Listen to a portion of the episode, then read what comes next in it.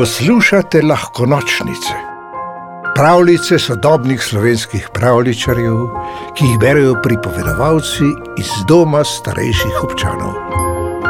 O zmaju, ki je požiral knjige.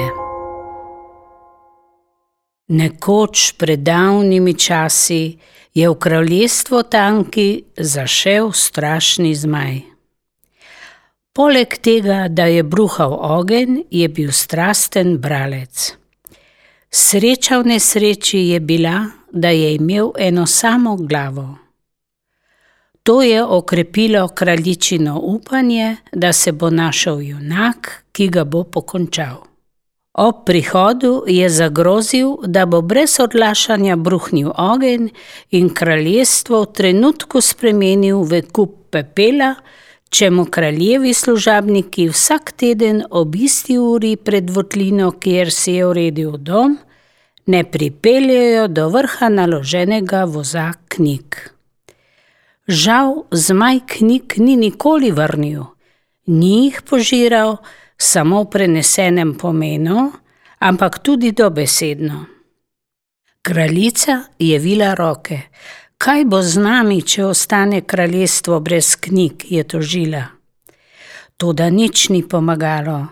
Najprej so morali svoje knjižne police izprazniti podaniki. Sledile so knjižnice širom kraljestva. Po knjižnicah so prišle na vrsto šole, knjige pravljic in pripovedk, slikanice, zbirke zgodb in pesmi, učbeniki, delovni zvezki, vse je slejko prej izginilo v zmajevem žrelu. Ko je ostala nedotaknjena samo še grajska knjižnica, ni dosti manjkalo, pa bi kraljica na glas zajokala. S čim bo zamotila zmaja, ko bo zmanjkalo tudi grajskih knjig? Tako ne gre več naprej, so modro sklenili kraljičini svetovalci. Zmaja bo treba obglaviti. V kraljičinem imenu so objavili razglas, da dobi tisti, ki jim bo to uspelo, za nagrado pol kraljestva, pa še princesko za ženo. Mladeniči od blizu in dalec so se zgrnili v deželo. V bližini zmajevega brloga so postavili šotore. Čakali so in čakali, kdaj se bo prikazal zmaj, a ga ni bilo od nikoder. Samo občasno je iz votline zadonel gromek smeh, da se je stresel hrib in je junakom padlo srce v hlače, ali pa je ven privrel hudournik zmajevih sous. Peti dan je zmaj pomolil glavo iz brloga in zarju. Kje je moje čtivo? Pred votlino je že stal voz s knjigami iz grajske knjižnice, zmaj ga je potegnil v svoje domovanje in ni ga bilo več na spregled. Mladeniči so odreveneli od groze. Že res, da je imel zmaj samo eno glavo, ampak kako velika je bila. Kaj ti pomaga, da pol kraljestva in princeski na roka, če si mrtev? So si rekli in pobrali šila in kopita. Ko sta s poročilom o strašnem zmaju domov prihitela Pepčkova brata, si je ta rekel: Bom šel pa še jaz pogledat, kako in kaj. Rečeno, storjeno. Kar počes skozi gostjo je mahnil v smeri zmajeve votline. Čisto blizu je že bil, ko je zašlišal stokanje. Pomagaj mi, dobri fant, ga je zaprosil ta neglasek. Ozrl se je okrog sebe in zagledal vilo, ki se je zapletla v robidovje. Bogato te bom nagradila. Lahko obglaviš zmaja? je naravnost vprašal Pepček in stopil do trnovega grma. Ne morem, je odvrnila vila. Samo dobra dela smemo upravljati. Obglaviti zmaja bi bilo dobro delo, je zagodrnjal Pepček in previdno umaknil trnove vejice, da ne bi vili poškodoval kril. Te moči nimam, je ponovila vila. Pomislila je, lahko pa naredim, da zmaj ne bo več bruhal ognja, ampak, ampak, je vprašal Pepček, ki mu je medtem vilo uspelo odmotati iz trnove pasti. Ti izberi, je rekla vila. Pepček je nagubal čelo. Sladkarije, je razmišljal na glas, bil je hudo sladkosneden. Zgodilo se bo, je zaklicala vila, razpostrla kot dih tanka krila in odletela proti krošnji stare bukve. Hvala za pomoč. Počakaj, je zaklical Pepček. Malo bi vendarle želel še premisliti, ali so sladkarije res najboljša možnost. Prepozno, vila se ni več prikazala.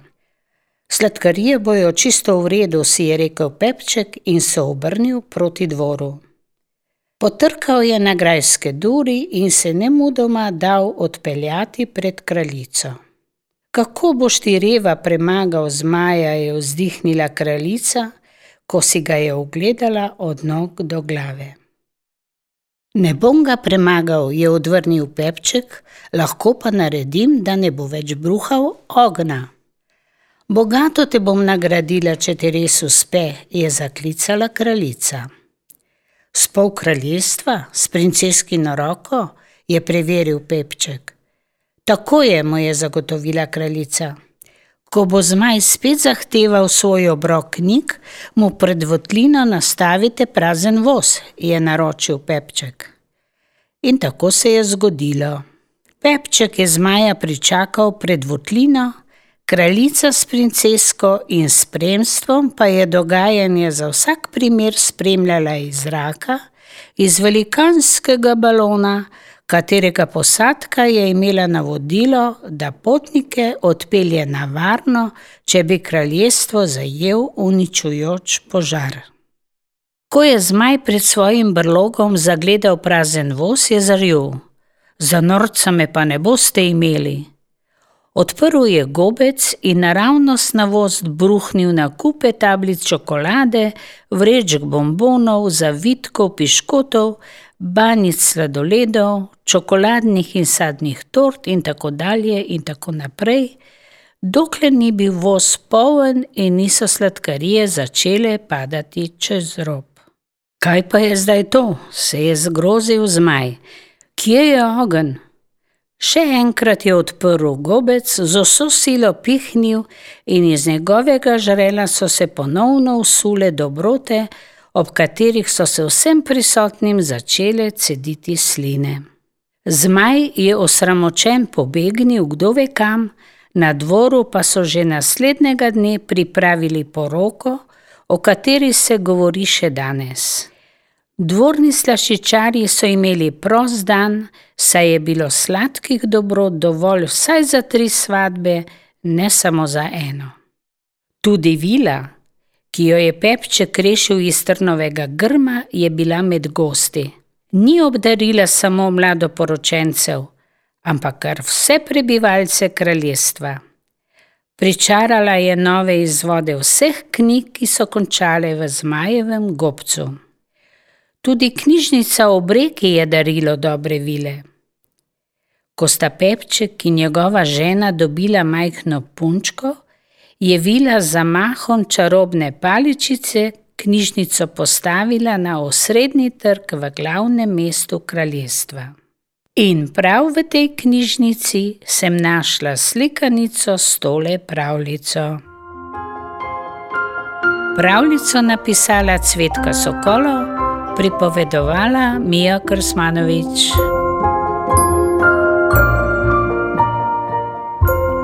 V deželo princesk, zmajev, gozdnih vil in ostalih čarobnih biti ste vabljeni na lahko nočnice, pika si, pa lahko noč.